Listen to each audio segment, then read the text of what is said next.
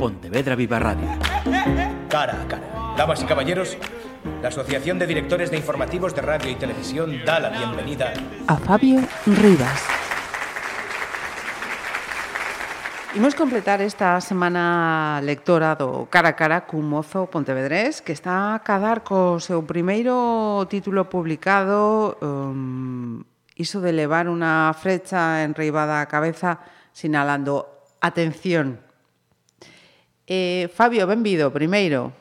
Bos días, bos días Marisa, que tal? Teño visto que comezas a escribir relatos desde moi novo. Cando foi isto?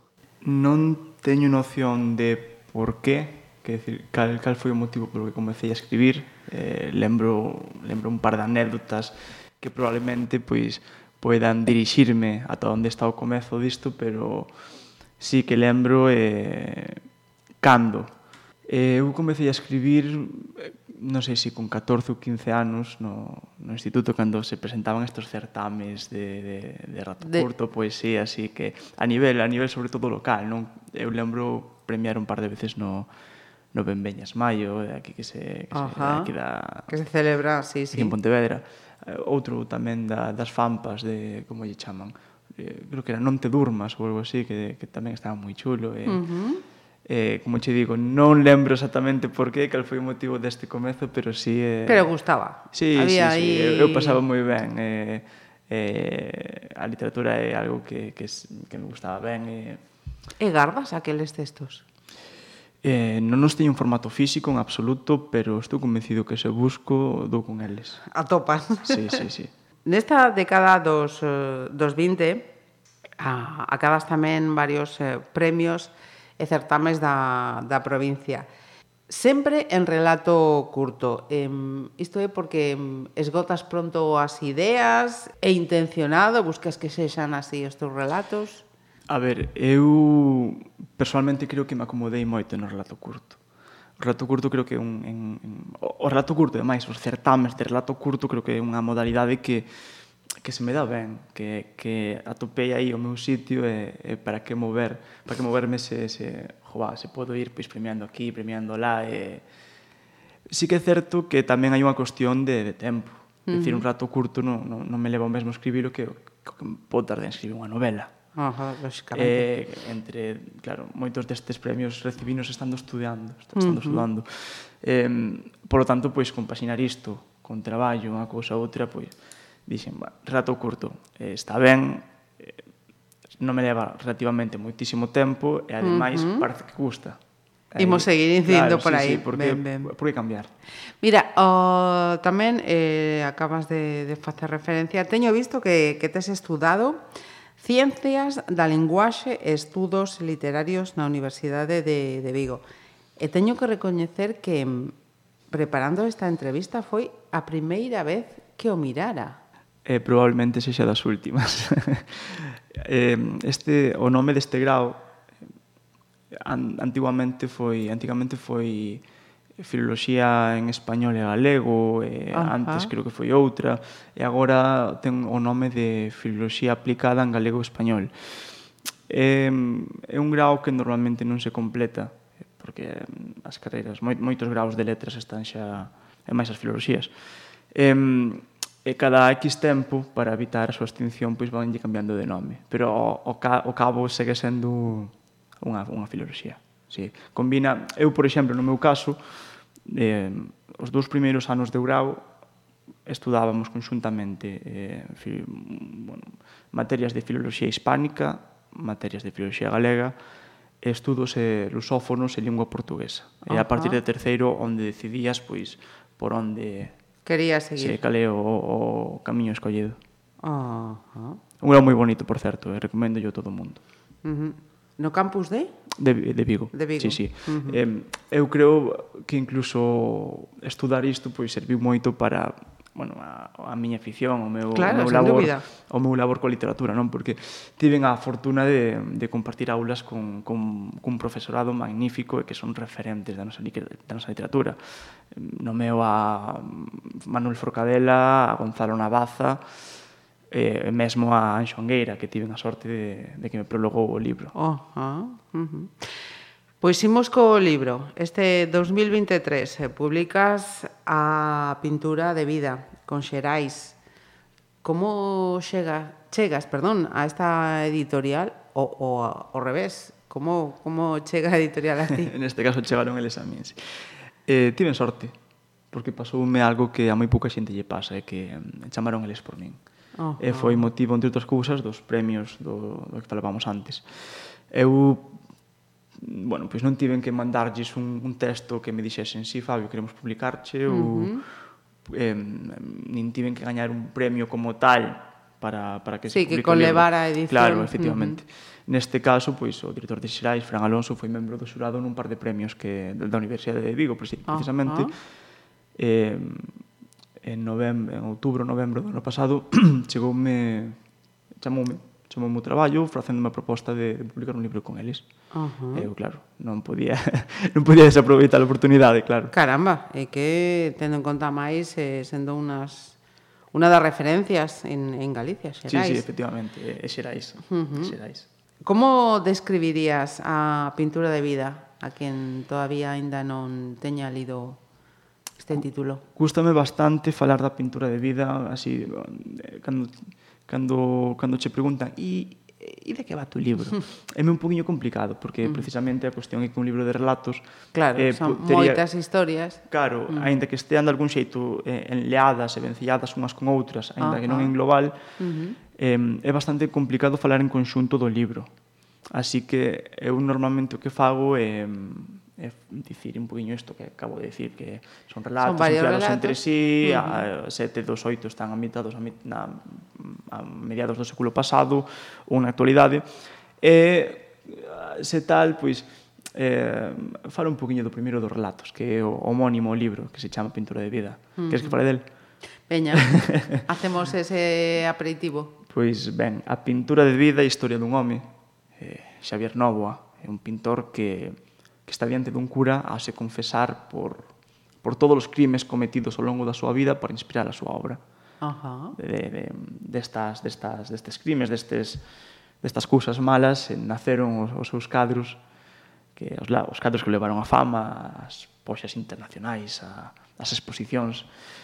Eh, eh, bueno, ahora que se ve as portas da bellez, pois decide, decide pois, arrepentirse nunca es tarde. Mira, eh, creo que a resposta é, é evidente, no? pero aínda así vou, vou facer a, a pregunta. Escribir en galego é unha cuestión de compromiso ou con Galicia, contigo mesmo, eh... con Galicia e comigo mesmo, e co, e coa lingua e coa e coa cultura. Uh -huh. Sí, por suposto. De feito, o libro ten un montón de referencias eh, implícitas, explícitas a ao extensísimo repertorio bo eh, en lingua galega que temos do, ao longo da historia.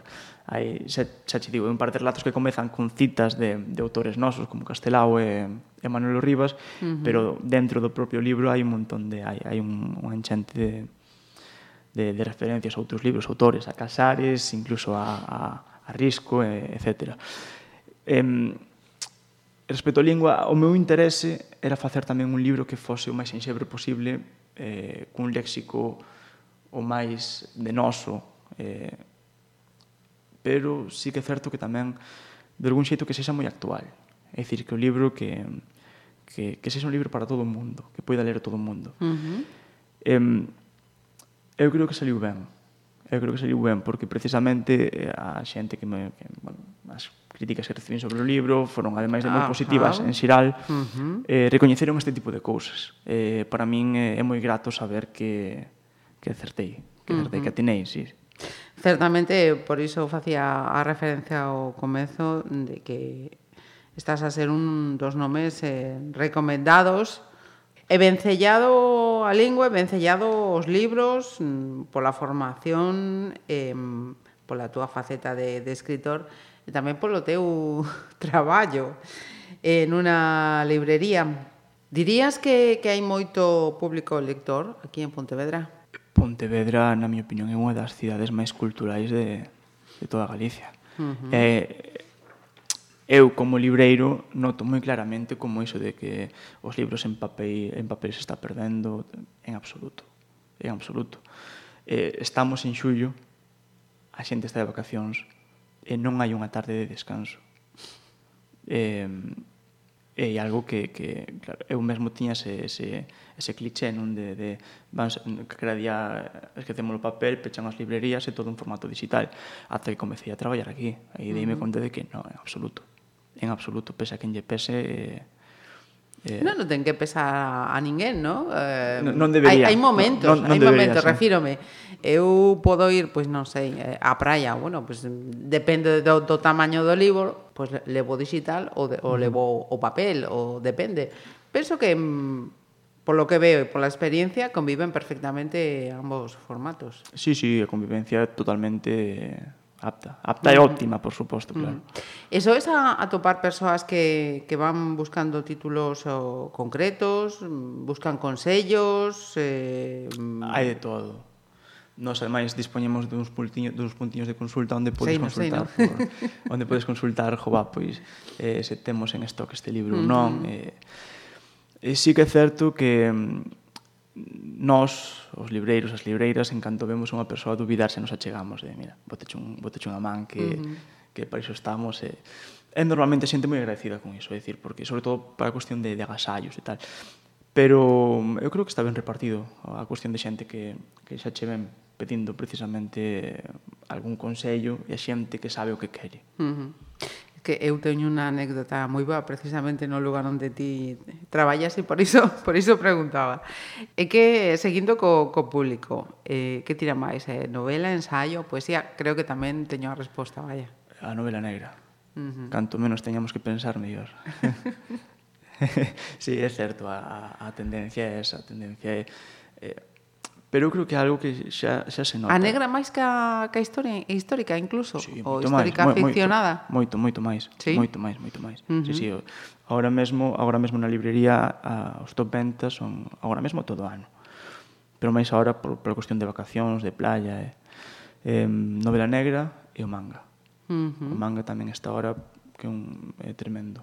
Sobre ah. todo a rapazada que, sí. que ahora acaba de rematar los rematar o curso, etcétera, etc. Ahora cando cando teñen máis posibilidade de achegarse pola mañá ou pola tarde unha cousa ou outra uh -huh. e, e coller un manga ou dous. Pero a novela negra vende por encima de calquera outro tipo de, de xénero, subxénero ou, ou como queramos chamar. Tamén, eh, mercanse moitos libros de lectura para nenos? Sí, sí, sí, sí, por suposto. Todo, digo neste caso que a novela negra e o manga son o que máis se vende, pero xa eh, estaba falando Sí, dun público vez, tal, claro, sí, pero quería pero, preguntar tamén eh, polo caso do Non me atrevo a dar un, unha porcentaxe porque estaría uh -huh. inventando, pero sí, sí. a maioría a maioría igual no, pero están bastante equilibra, está bastante equilibrada as ventas de de literatura para nenos e nenas e para adultos. Uh -huh. Eh, vas estar nesta edición da, da Festa dos Libros eh, asinando exemplares o vindeiro sábado. Como levas isto da, da parte promocional, os encontros cos, cos teus lectores? A min gustame moito. A min gustame moito. É, é algo que, mm, do que eu gozo ben. De feito, antes de ter previsto publicar un libro, máis ben, antes de ter consciencia de que ia publicar un libro, eu sempre fun, sempre acostumei a, a ir ás presentacións, sobre todo aquí en Pontevedra, e se teño que moverme, pois igual me custa un pouco máis, pero hoxe hai unha conversa de non sei quen con non sei cal en, en tal sitio, pois eu era dos que chegaban 10 minutiños antes. porque, porque jo, é algo que que me gusta, que, que disfruto Ajá. ben. E aparte, eh, despois, cando saio dunha, dunha presentación ou dunha conversa entre autores e autoras, como que sempre sentía eses pulos, eses azos para, para chegar eu a casa, coller o ordenador e poñerme a escribir outra vez. E, e seguir intentando porque eu quero estar uh -huh. do outro lado. E agora que que estou vivindo que estou isto, outro lado. agora que estou do outro lado, outro día, o, o vernos pasado, presentei en Pontevedra o libro na, na librería onde traballo, na Nobel, Ajá. e foi unha sensación maravillosa. A, a, por unha parte, a cantidad de xente que, que, que pasou por aí, pero máis alá disso, eu creo que podíamos ser cinco ou seis persoas que a sensación ia ser a mesma. Era de, de bueno, estou aquí xa, uh -huh. e, e grazas a todos por acompañarme, porque foi fantástico. E agora, pois precisamente o que dis, agora xogar na casa, que chegue a festa dos libros, eh, eh, que é algo que eu, que eu vivo desde que, que, que, que se creou, desde que o fixeron por primeira vez, eh, non teño, non teño palabras. eh, Xa tes pensado mm, hai por aí algo para os, un seguinte título? Isto non é algo do que me guste moito falar porque acabo de sacar o primeiro. Ah. Quero dicir, acabo de sacar o primeiro e creo que agora estou nese momento de plenitude, Doce. de, claro, de gozar do que pase, de ver eh, eh a, a, a, o meu lectorado, a xente que me lea, se gusta, se non gusta, saber se, se debería apartarme do camiño e, e deixarlle o sitio a outro eh, ou, ou se continuar, non?